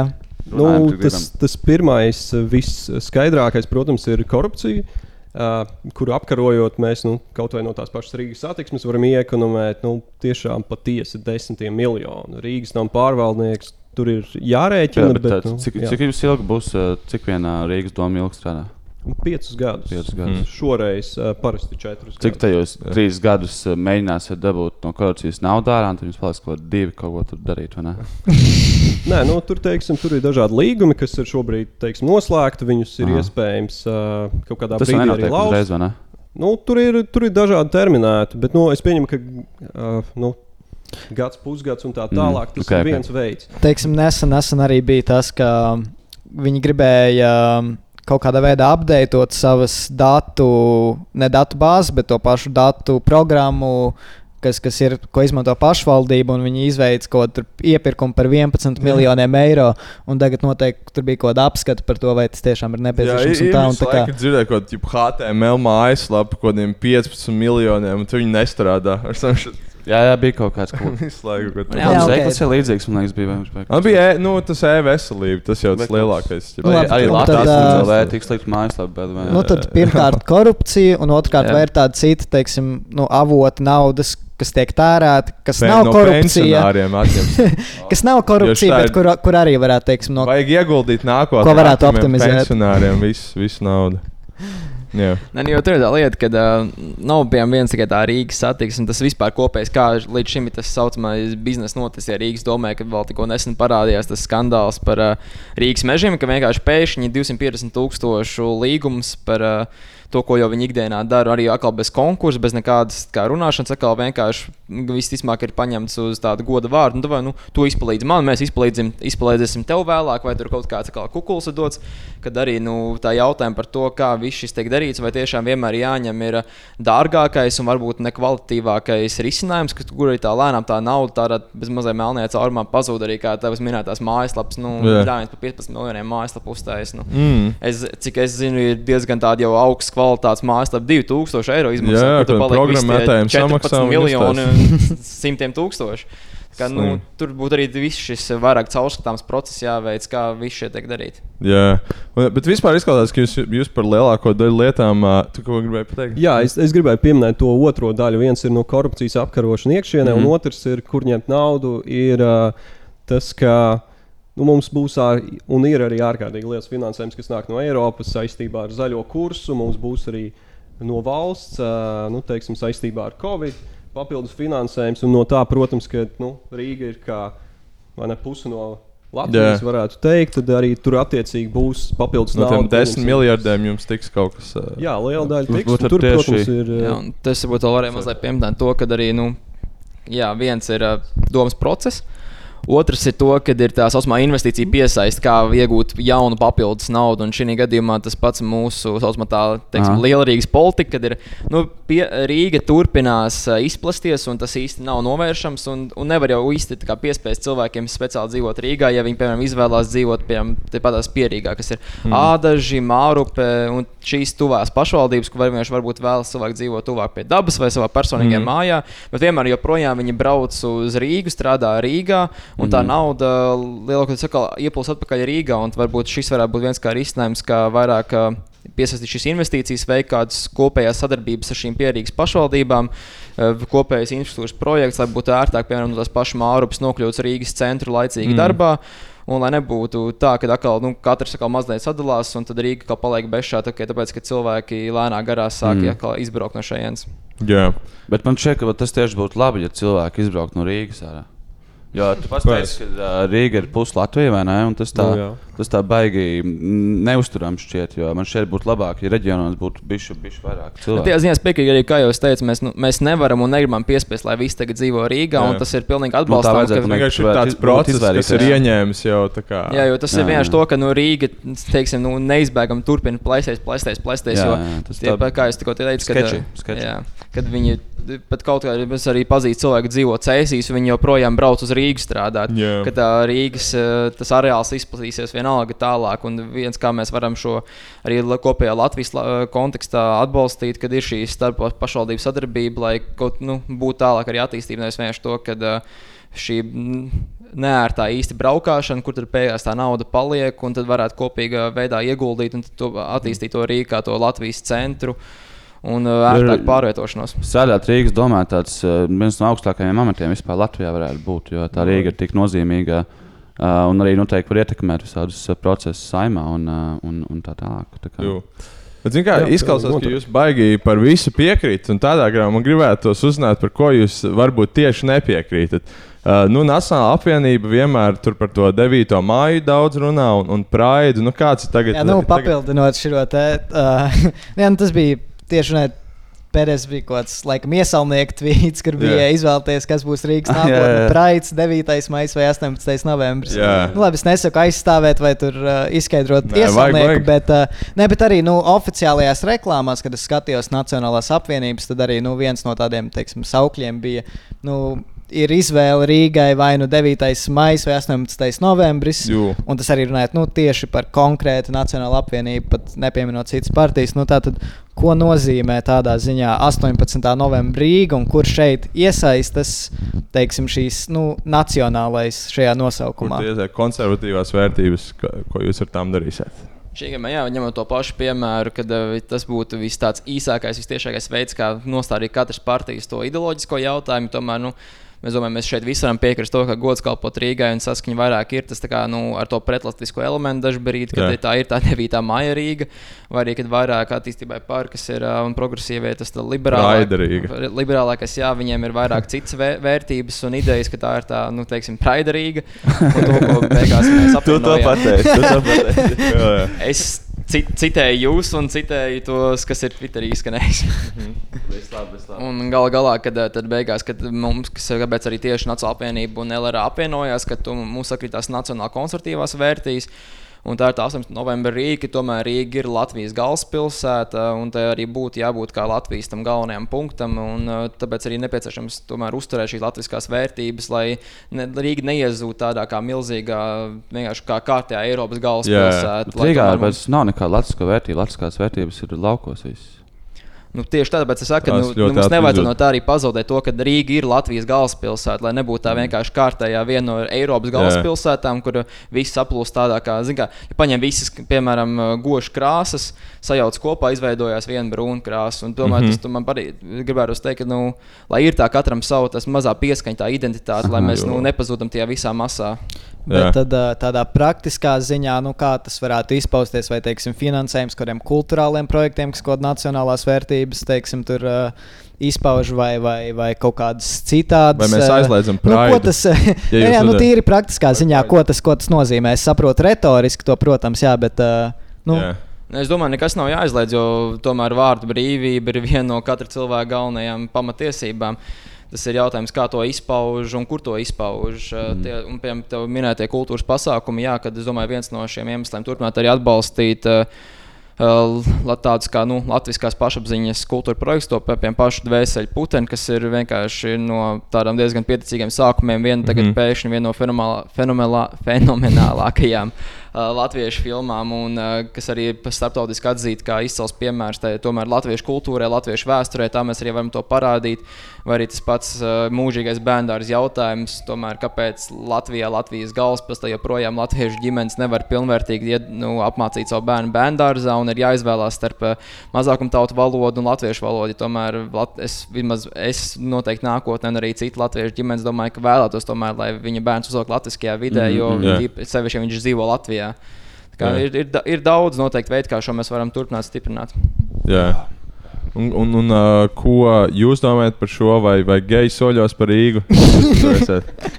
Uh, nu jā, tur, uh, nu, tur ir. Uh, Saprotiet, man vienkārši šķiet, ka tur, ir- un tur ir tā varbūt atšķirība starp mums abiem. Ir tāda, ka, ja Rīga ir pašvaldība, kurā mums ir jādomā par šīm te ārkārtīgi svarīgajiem rīzniekiem, saimnieciskajiem jautājumiem, kā veloceliņi un tā tālāk. Varbūt tu tur iztikt bez ideoloģijas. vai Nu, ne? kas tad? Varbūt tur iztikt bez ideoloģijas par tādām lietām runājot. Nu, Nu, par tādā ļoti ziņā, ka sociālas lietām var. vērtības nav tik svarīgas šajā, šajā teiksim, politiskajā vidē, konkrēti, nu, kas ir pašvaldība. Pasaka, Praida Rīga. Nu, tad, cik, cik bieži Praids notiek Rīgā? Un cik Pārāk bieži. nu, un t- reiz gadā, reiz pāris gados, vai ne? Un tā ir nu, diena, nedēļa un tā tālāk. Nu.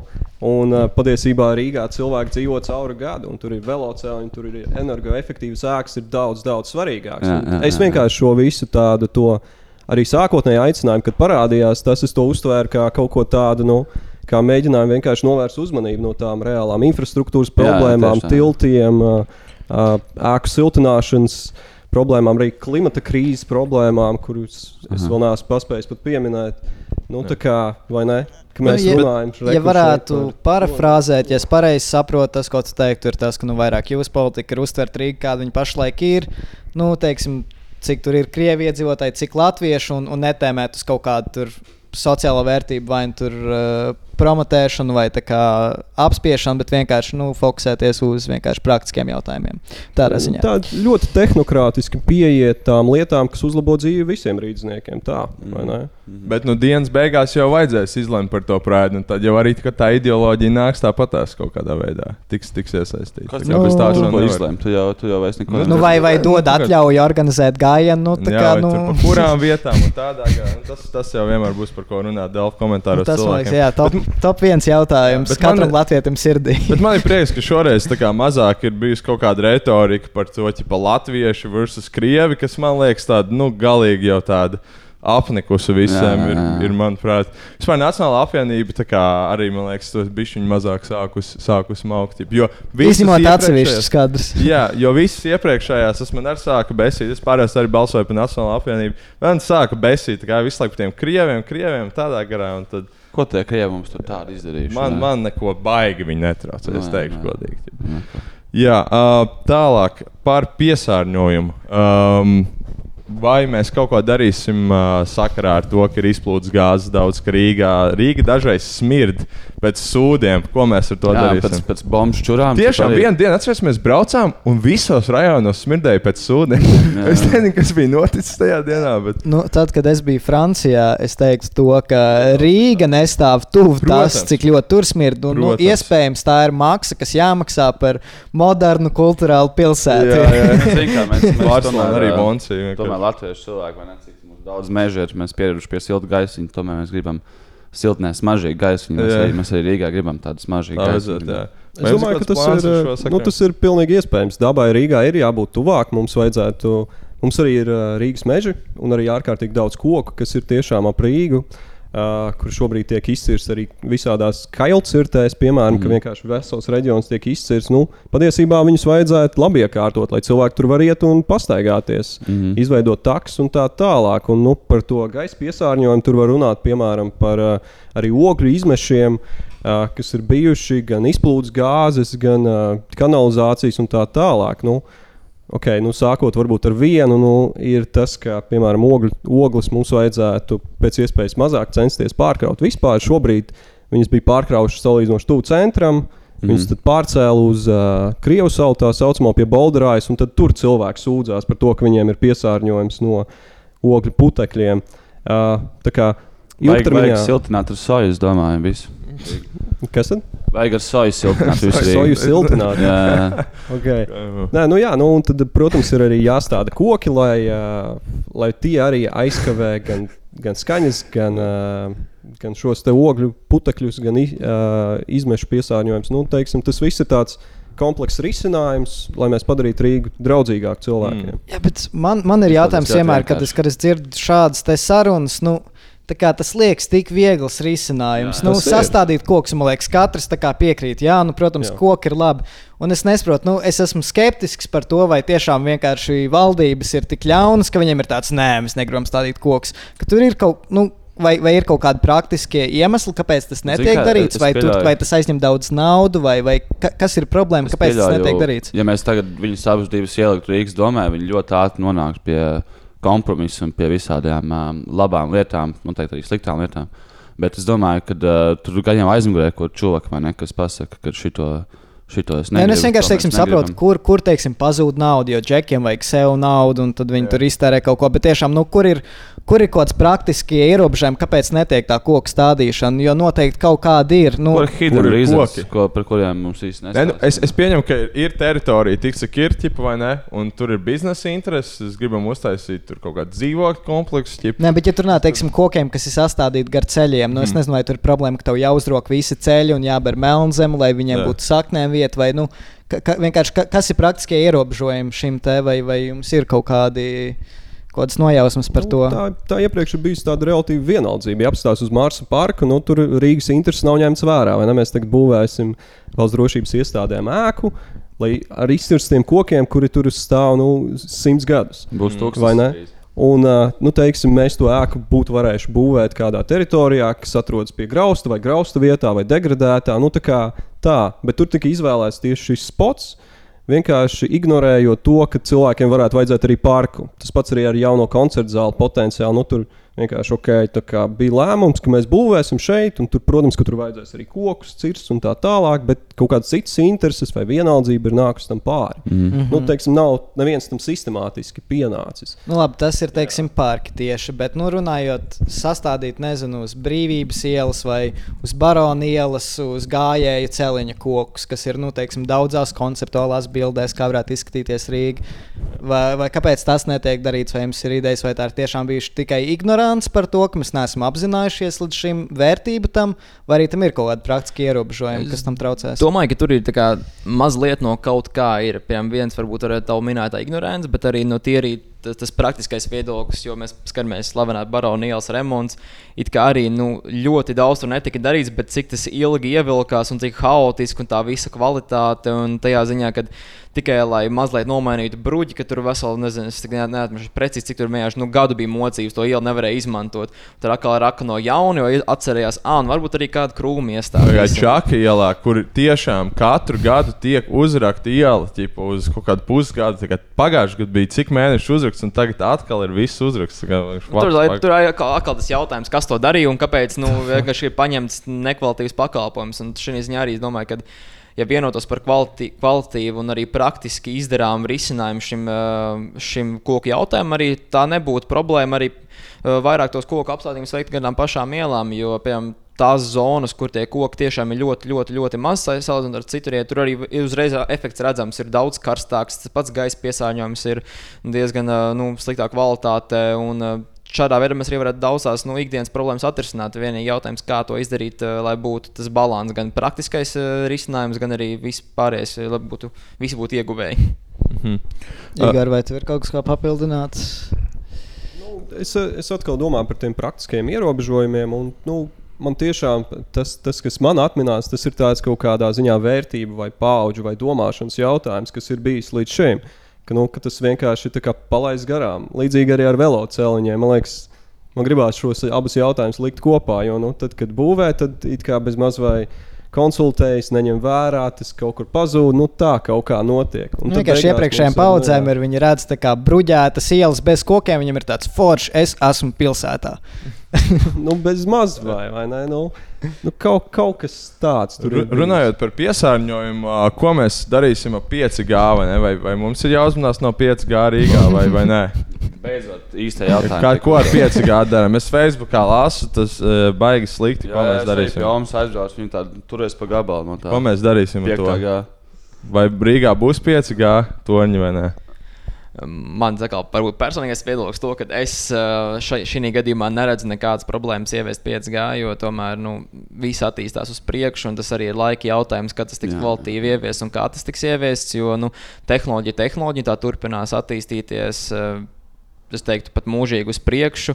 Un šis arī man, ja nemaldos, eh, ar katru to gāvu vai lielo tādu tehnoloģijas grūdienu ir bijuši šādi mazie skandāli. Piemēram, ak, nē, šis ir slikti, tas izraisa tādu slimību, tādu slimību, to mm. mēs Mhm. visi bez mazā izzudīsim no eksistences. Kas atkal tāds atkal vienkārši ir tāds mazais burbulīčs plīsums, kad uh, cilvēki ir pieraduši pie vienas lietas un tā kā neteiksim, baidās no kaut kā jauna, bet, uh, nu jā, bet tas ir.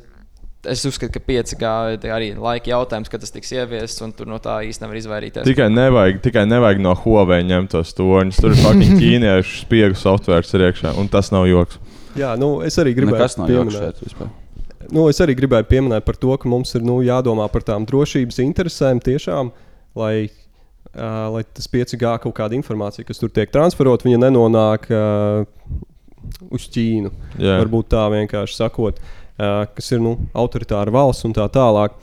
Bet no otras ir tas, nu, jā, es laikam gribēju papildināt tevi, ko tu teici par to, ka jaunās tehnoloģijas rada pretreakciju. Nu, mēs varam atcerēties kaut kādus ludītus vēsturē, kas bija vienkārši kā demolējuši fabrikas, kurās cilvēki ar roku virpoja uh, audumus kopā. vai ne? Un Viņš, viņiem šķita, ka tā ir civilizācijas beigas, industriālā revolūcija, bija kļūda. Varbūt jāiet bija taisnība. Savā ziņā taisnība. Varbūt viņam bija taisnība. nu, piemēram, tev arī man tāds arī tur atceros smieklīgi gadījumi no vēstures, kad, ja nemaldos, ā, Spāņu gripa, kas bija ā, viena no tām lielām plosošiem slimībām 20. gadsimta sākumā, arī bija īsi pēc tam, kad parādījās pirmie radio. Un arī tur apmēram, bija, vis, Mhm. bija tāds narratīvs, ka oh, visi radio ir iznīcinājis pasauli. Un simts gadus Mhm. vēlāk mēs visi joprojām ikdienā klausāmies radio, mēs joprojām elpojam un dzīvojam. Tātad mēs esam pār 5 gājiem. Nu, skaidrs, ka, ka ienākot politikā, tas lobbyis tev tie- tiemēr tomēr satver, lai no kuras partijas.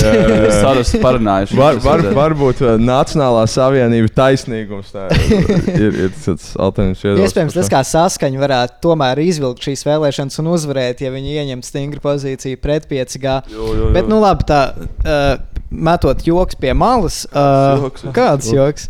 Um, teiksim, ir, ir cits. Uh, Tā, tāda lieta Rīgā, kas jau atkarī, atšķirībā no 5G, jau ir uz katra stūra, un, un tomēr tiešām bojā cilvēku dzīves, man šķiet, ir um, teiksim, tā, nu, tās uz, uz ielām esošās tās mikro-kazino spēļu zāles. Laimētavas. Fēniks, jā, nu, konkrēti, un, un, un koda Olimpika un tam līdzīgi. Mhm. Un, um, Protams, ar Lombardiem, kas, kas nāk līdzi. Jā, un nu, cik es atceros pēdējo reizi par to bija tas, ka nu, tas sanāk Ušakovs vēl valdības laikā.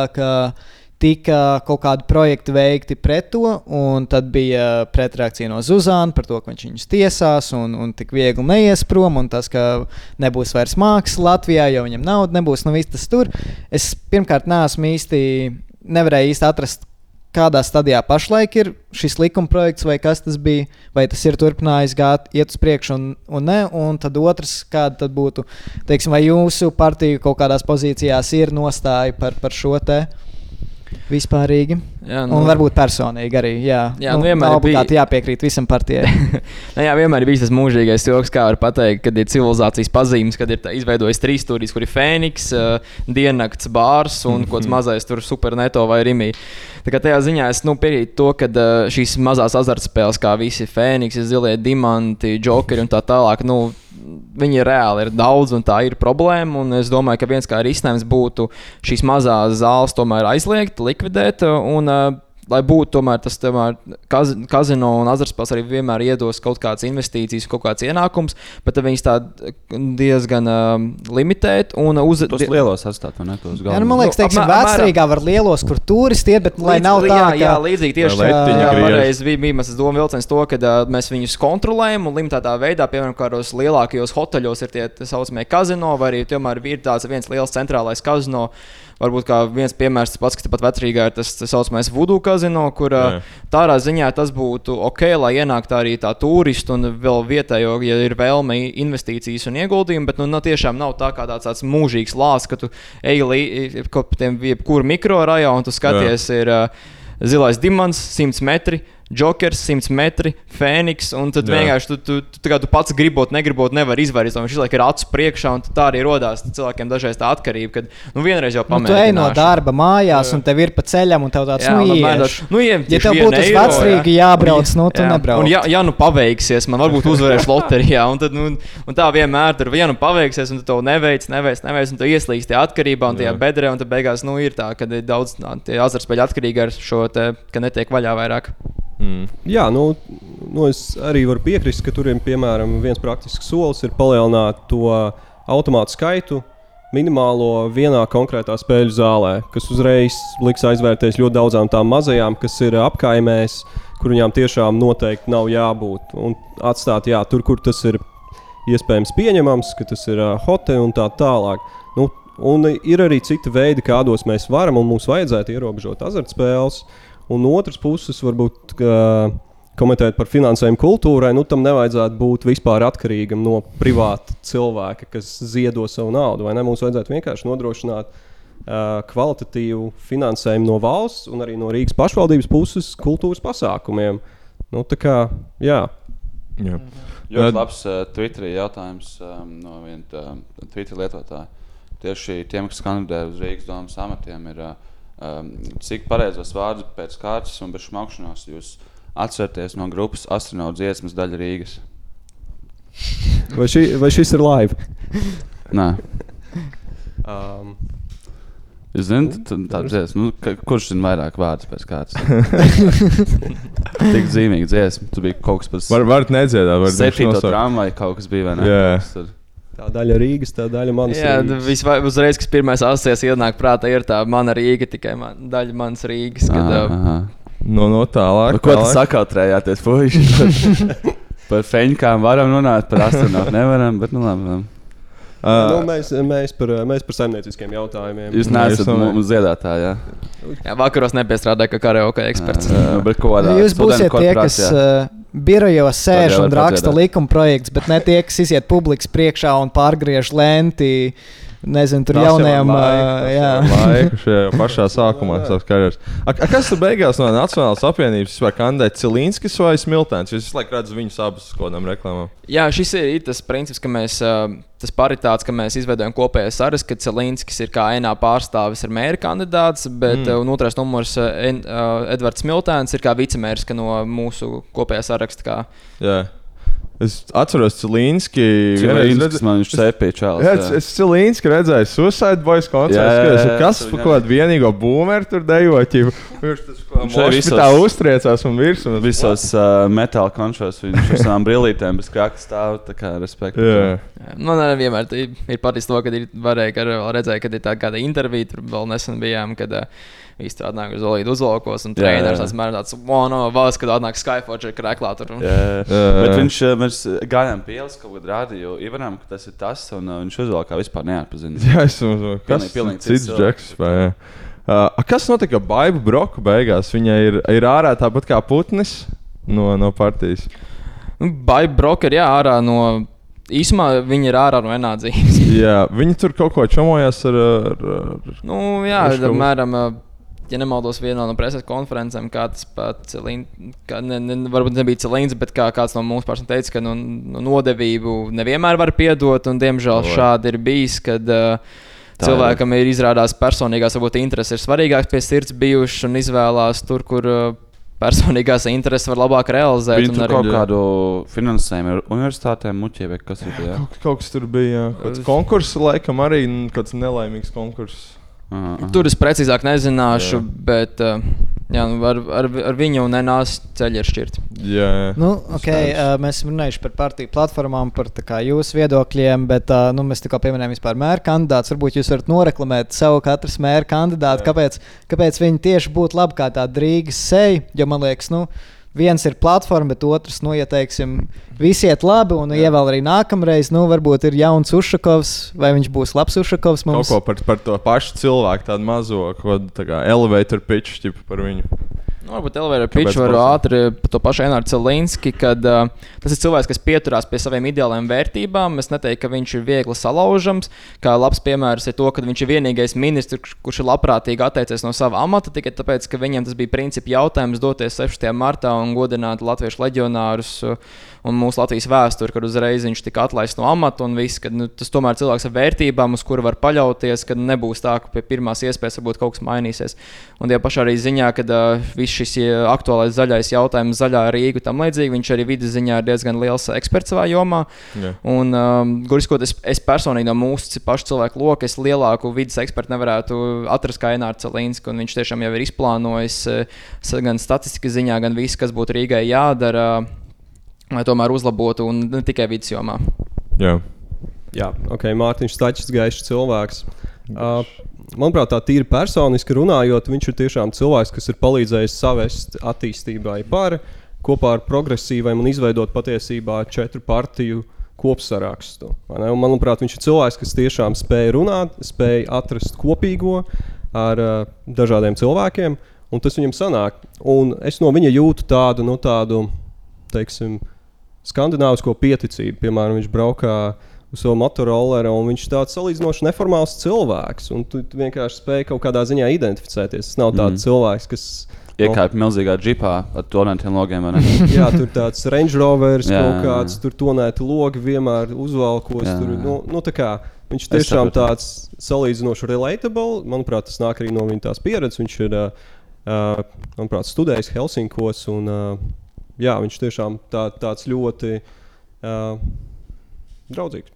Es izvēlētos Cilīnisku no šiem abiem, ja godīgi. Jums tas rietumu, rietumu estētika ļoti patīk. Jūs gribat uz rietumiem virzīties vairāk uz Skandināviju. Uz kā Ziemeļvalstīm. Nu, jā, nu kā, nu. Kopenhāgena, tur Amsterdama. tādas Man liekas, tas ļoti vietas. Tā runājot, nu, tie ir vismaz tādās pašvaldības vēlēšanās, kur tomēr tie kaut kādi sociālie jautājumi nav tik ak aktuāli, tad, laikam, nu, man liekas, tas būtu tāds pamat noš no nošķirums starp jūsu divu kādām platformām un, un vismaz vīzijām. Ir, nu, attīstībai par ir tāda vairāk, teiksim, nu, ņemot piemēru no modernām rietumu valstīm un uh, Nacionāla apvienība ir tomēr, nu, protams, progress un, un attīstība, bet, nu, varbūt kādā savā īpatnējākā veidā konkrēti mums Latvijai, Baltijai. pamatiem, jā. uh. Nu, jā.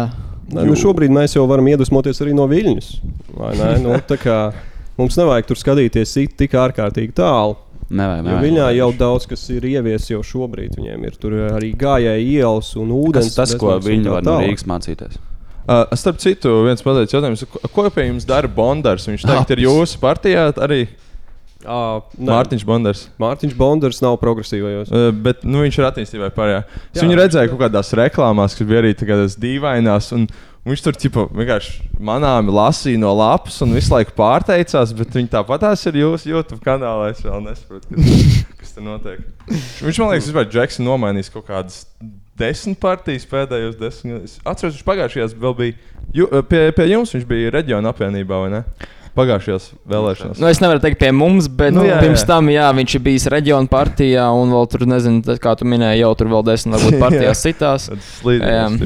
Jā, man tas pats jautājums, kas ir tas, ko Viļņa vai Tallinn var no Rīgas mācīties? Vai nu, jau jābūt kaut kam Ko mēs esam labi izdarījuši? Jā, ok, varbūt citādāk pagriežot to jautājumu, nerunājot par to, kas, kas Rīgā ir slikti un kas nav sanācis, kas ir kaut kāds, nezinu, iz- iniciatīva, projekts, pašreiz jau esoša lieta, kas notiek, kas jūsuprāt ir ļoti efektīva un ko jūs noteikti turpināt darīt. Nu, Teiksim, nu, tā noteikti nav Rīgas satiksme, bet es nezinu, vai varbūt kaut kāda infrastruktūra vai ko tādu, kas Rīgā jau notiek. Nu, Kaut kam jau foršam ir jābūt, vai ne? Kaut kam pozitīvam Rīgā, vai ne? Nu, kas būtu tas, ko jūs neapgāzat no iepriekšējās Protams, valdības? ā, Tie, savā ziņā, tu uzreiz minēji, ka, protams, Rīgas satiksme ne, bet uh, es gribētu teikt, ka kopumā, ja neskaidrs visas tās tomēr korupcijas izmaksas un finanses jautājums, kad uh, infrastruktūra un sabiedriskā transporta satiksme tādā ziņā, es pat teiktu, ka Rīgā ir diezgan labā kvalitātē, jo, piemēram, Jā. Es atceros, ka es pirms dažiem Jaunie gadiem... tramvaji ir diezgan forši. nu, tas ir viens, bet arī viss to tā pieejamība, kad var tie, tiem tiešām ļoti ērti, piemēram, es dzīvoju Čiekurkalnā un uh, tikt uz Rīgas man ļoti ērti. Es aizēju, iesēžos tramvajā un taisnā līnijā līdz pat centram. Un kas, piemēram, ir bijis, ja mēs runājam par tuvākajām valstīm, tā pati Tallina, Tallina vai arī mazliet tālāk, pirms dažiem gadiem biju Vīnē, Austrijā. Tur reāli man šķiet, ka ir diezgan liels haoss šajā jomā. Tur tiešām ir, nu, tagad bācis, nu, kuram man jākāp, ir, vai es tūlīt neatmodīšos vispār citā pilsētā vai tam līdzīgi. Kad tajā ziņā, ka nu, Rīgai arī ir savas priekšrocības un bonus. Es pieļauju, ka tu vienkārši tu, tu sap, saproti to transporta sistēmu, gan jau vīnē cilvēki, dzīvo arī saprot, ka viņi atbrauc šeit, viņi nesaprot, kur, kur man liekas. Jā, bet no otras puses, man liekas, bet ir tā, ka Rīgā ir ļoti pieejams. Nu, Jā. tiešām, lai kur mm. tu atrastos, gan vienmēr kaut kur pietiekami netālu ir kaut kas, kas kursē pietiekami pietiekami bieži. Nu, labi. Mums tas ir tāds manā pieredzē. Smukāk, tāda foršāka, man liekas, tā kā ķipa, viņā tāds bišķiņ bomžu vibes bija. Es teikšu, tā kā, tas, tā kā Rīgā pirms desmit gadiem bija. Jā, jā. Nu, es tagad neesmu pēdējos divos gados, varbūt viņi tiešām ir rīktīgi tur uh, uzkāpuši. Bet, uh, Nē, nu, grafiskā dizaina ziņos tas, tas, tas balts ar zilo ir ļoti labi. Teiksim, Tallinā, kur es dzīvoju, studējot, nu, tur viņi bija šķiet nesmukāki. Jā, jā, jā. Igor, kas ir, kas ir labs Rīgai šobrīd? Manuprāt, Rīgā ir. Uh, nu, tāda ir ārkārtīgi forša tā kultūras dzīve. Nu, pieņemsim, tas mm. pats Tallinas ielas kvartāls, vai ne? Tāds mums ir daudz neizpratnes. To jūs neaizliegsiet, mēs nesaprotam. uh, nu, jā, tās ir tādas iniciatīvas, kur cilvēki jau ir ārkārtīgi mākslinieci, kurus var vienkārši uh, dot papildus resursus, atvieglot pieejamību un tā mm. tālāk. Piemēram, mums katru gadu notiek uh, Staro Rīga. Mm. Absolūti brīnišķīgs pasākums, kur, protams, varētu izcelt dažādās apkaimēs, un tur arī izveidot ārkārtīgi interesantas instalācijas un tā tālāk. Jo, nu, tas, kas mums šeit ir ārkārtīgi forši, ir, ka mums ir tiešām šie mākslinieckais centrs, un mums ir tie cilvēki, kas vēlas to darīt. Mm. Vajag tikai dot viņiem iespēju. Jā. Ļoti labi. Nu, jā, tam es piekritīšu arī. Nu, dzīvojot tālāk, man kaut kāda sajūta ir tāda, ka nu, studijām forši ar brīvo transportu un moderniskumu un kaut ko mm. tādu, bet, bet kaut kā viņi no nejūtas tik dzīve. Viņi nejūtas tik dzīve. Rīga, kā Rīga. Šādus, jā, un tā kā godvārds, es vienkārši pareizi, nes, nav mans azvērstības teorijas par Igauniju un Tallinu, bet arī nu, to pašu tā pieminēt Tallinu, kad, nu, vienmēr, kad esmu tur bijis ciemojis, nu, mazliet trūkst tās dzīvības un tā kā, nu, mm. nu, tāda patukša laikās, tā kā vienmēr forši viņiem ir sakopta vecpilsēta, labi, jā, es apstos skaistas mājas, viss kārtībā, ej tālāk, ok, pēdu, tur zinu, ēd, ēdnīcā, tam līdzīgi visu foršu. Bet nu, bez tāda īsti vairāk jau nekas baigi nav. Tie pašā laikā nu, Rīgā var just to dzīvību. Tur visur kaut kas apkārt notiek. Gan pārdaugavā, gan, gan šajā daugos pusē. Tā tā kā nu, pat arī man liekas fenomenāli, ka ir divas dažādas Rīgas, vēl katra savu kultūras ievirzēm, mm. kāda nu, piemēram, notiek lietas pārdagvā, kā šeit notiek. Un arī viss šie arī Igor minētais Tallinas ielas kvartāls, ir Āgens Kalna Kalnciem kvartāls, vēl tagad ir tuvāk centram spīķeru. Tā kā izveidojas tāds, tā kā tāds, nezinu, mazas ekosistēmas, tādi burbulīši, kur katram ir vēl tās mazas specifiskās iezīmes, lai kur tu ietu Rīgā, vis, vienmēr būs kaut kas jauns un kaut kas foršs, ko var piedzīvot. Mm. Nu jā. Jā, Rīga tāda krāsaina šeit, salīdzinot uh, ar uh, citām. Rīga forša. Tas ir tāds saules. Man patīk Rīga. Es arī man patīk Rīga. Es mīlu Rīgā. Rīgas domas kandidāts. Man patīk Rīga. jūs, starp citu, abi būsiet iekšā, ja Rīgas domā, ja jūsu partija, ja jūs nu, partijām ja labi. sazīmē pietiekams plusiņus. Nu, šeit, jā, protams, tas ir atkarīgs no vēlētājiem. Jā. Es personīgi esmu 19. numurs, un tas arī nu, jautājums ir, cik mums būs. 100 vietas ir. Kas tur? Cik ir vietas? Domāju? Kopumā Rīgas domā ir 63, ja nemaldos. Aha. Un, uh, jā, kad esmu kā dēmons, tas arī, protams, ir atkarīgs no vēlētājiem, cik daudz plusiņus man ievilks, vai cik mm -hmm. būs liela partijas pārstāvniecība. Bet, kā, jā. ja jūs būtu Rīgā, par ko jūs balsot? Abi. Es nezinu. Es nezinu. Sim. Man ir grūti pateikt. Nu, man ir liela iespēja, ka balsot par attīstībai par jau vēsturiski, tas būtu vistuvāk man, bet uh, nu, es nezinu. Dzirdot, jā, dzirdot citus cilvēkus, tomēr es teiktu, ka man skepsis pret citām partijām pazeminās. Un, un tādā ziņā man liekas, ka tomēr Latvijā var būt viena lieta tāda, ka savā ziņā uh, kaut kāda varbūt politika konkrēti frāzēs nav tik uzticama. Man liekas, Latvijā ir ļoti jāskatās, kas ir tie paši cilvēki, jā, kas ir iekšā partijā. Mārtiņš Bondārs, viņš tur un, var teikt, ko visu laiku. Jā, nu, kāda, kāda bet... ir tā vēsture un, un viss mm. pārējais. Jo, nu, teiksim, ja skatītos uz, uz Ušakovu, varētu teikt, ka viņš ir sociāldemokrāts un tā, tā tālāk, bet, nu, man liekas, neviens tāds, nu, tīri ideoloģiski sociāldemokrāts neuzskatīja to, ka Ušakovs ir ļoti tuvu viņa politikai. Jā. Jā. Es arī es arī nobalsoju par, uh, es simtprocentīgi nobalsoju par attīstībai, pāriem progresīviem. Es visu izsvītrotu arābu sastāvu, viena man radiniece, kur, ir- kur ir ļoti labs cilvēks un uh, kur, kur es ļoti mīlu, un uh, viņai, viņai izdotos. Viņai izdotos. Nu, es droši vien par Nacionālo apvienību un Ja Latvijas man nebūtu radinieks, radinieks tad tas iespējams. Jā, Jā, jo vienīgais jūtas nedaudz nodots, jo es pagājušajā ieliku to plusiņu, bye bye brokai. Beigās bija tā visa huīņa, bet tā, nu, es nezinu. Jā. Droši vien jau, ka es nebalsotu. Mārpēs balsoja par laikam zaļiem zemniekiem. Es nebalsotu vispār, jā, beigās. Es domāju, Jā. ka es nebalsotu vispār. Jā. Ka, Tev slinkums nē, iet. tas ir baigi. Nu, tas ir ārkārtīgi svarīgi, lai cilvēki nāk balsot. Vai ne? Nu, man- man- dauni. man Jā. bišķi citādi Bet, ja viņš neuztic, ka nobalsos pareizi, ja viņš zina, ka lai kam viņš nobalsot, tas būs Nu, jā, nepareizā nu, izvēle. man apmēram. Nu, tur, ir, tur tad vienkārši ir jākonsultējas ar kaut kādiem saviem draugiem, piemēram, par ko viņi balso. Jo ja tagad, skatoties uz jums saviem tu diviem, man tāda sajūta, ka uh, ar neko, ne- neko jūs īsti neatšķiraties. Lai gan jums tās tie partiju nosaukumi tik, tik dažādi ir, vai ne? Bet jums, uh, jūs visi, visu laiku piekrītat viens otram. Jūs esat draudzīgāki viens ar otru nekā ar mums. Un, uh, tad, tāpēc, nu, tas tā. Nu, jāgaida līdz, līdz, eh, sāksies, eh, līdz beigsies vēlēšana cikls, un kad sāksies, varbūt tur, nu, labi, neteiksim, jādala sila, bet kad, kad nu, varbūt parādīsies kaut kāda nozīmīgāka konflikta, tad jau mēs to redzēsim. Bet, nu, Gan okay, jau, pirms, jau. pirms tā kā. Nu, varbūt mēs esam uzdevuši kaut kādus jautājumus, vai jums ir kaut kas tāds, ko jūs varbūt bijāt domājuši pirms kā, šīs te sarunas, kas bija kaut kas, ko jūs varbūt domājat, ko jūs gribētu pateikt, vai saruna, par ko jūs gribētu runāt, kas nav pajautāts. Jā. Bet varbūt, kam jūs esat sagatavojušies, vai kam jums ir palikusi kaut kāda vēlme mēs vēl ko pacelt? palaidām garām. Svarīgi. Nē, nu, man svarīgākais tiešām ir tas, ka lai cilvēki nāk balsot, pat ja pirmo reizi vai ne. Un vēlēšanas notiek 26., 27., 28. un 29. augustā. Mm -hmm. Un tas ir ārkārtīgi svarīgi. Ja tev ir iespēja, tad nāc balsot. Mm -hmm. Jā, tā kā, kā jau es teicu, protams, ir svarīgi nākt vēlēšanām. Arī kā iepriekš teicu, kad arī man pašam, kā jaunietim, un es domāju, ka arī es uzskatu, ka citiem jauniešiem būtu pienākums tā kā ieguldīt savā nākotnē, jo gal galā. Nu, Kas tad tie Rīgā pēc tiem 30, 40 gadiem dzīvos, tie būsim paši mēs. un kāpēc tomēr neieguldīt, neizveidot vietu, kur mēs paši arī gribam atrasties, jūtamies ērti un gribam dzīvot? Kā 20, uh, kurš bija 25? 25. gadsimts vai kurš? Nē, datumi. datumi. Ā, 26., 26, 27., jā, 29., 28. un Un 29. 29. augusts. svarīgais Četras datums. dienas jums ir. Jā, četras dienas.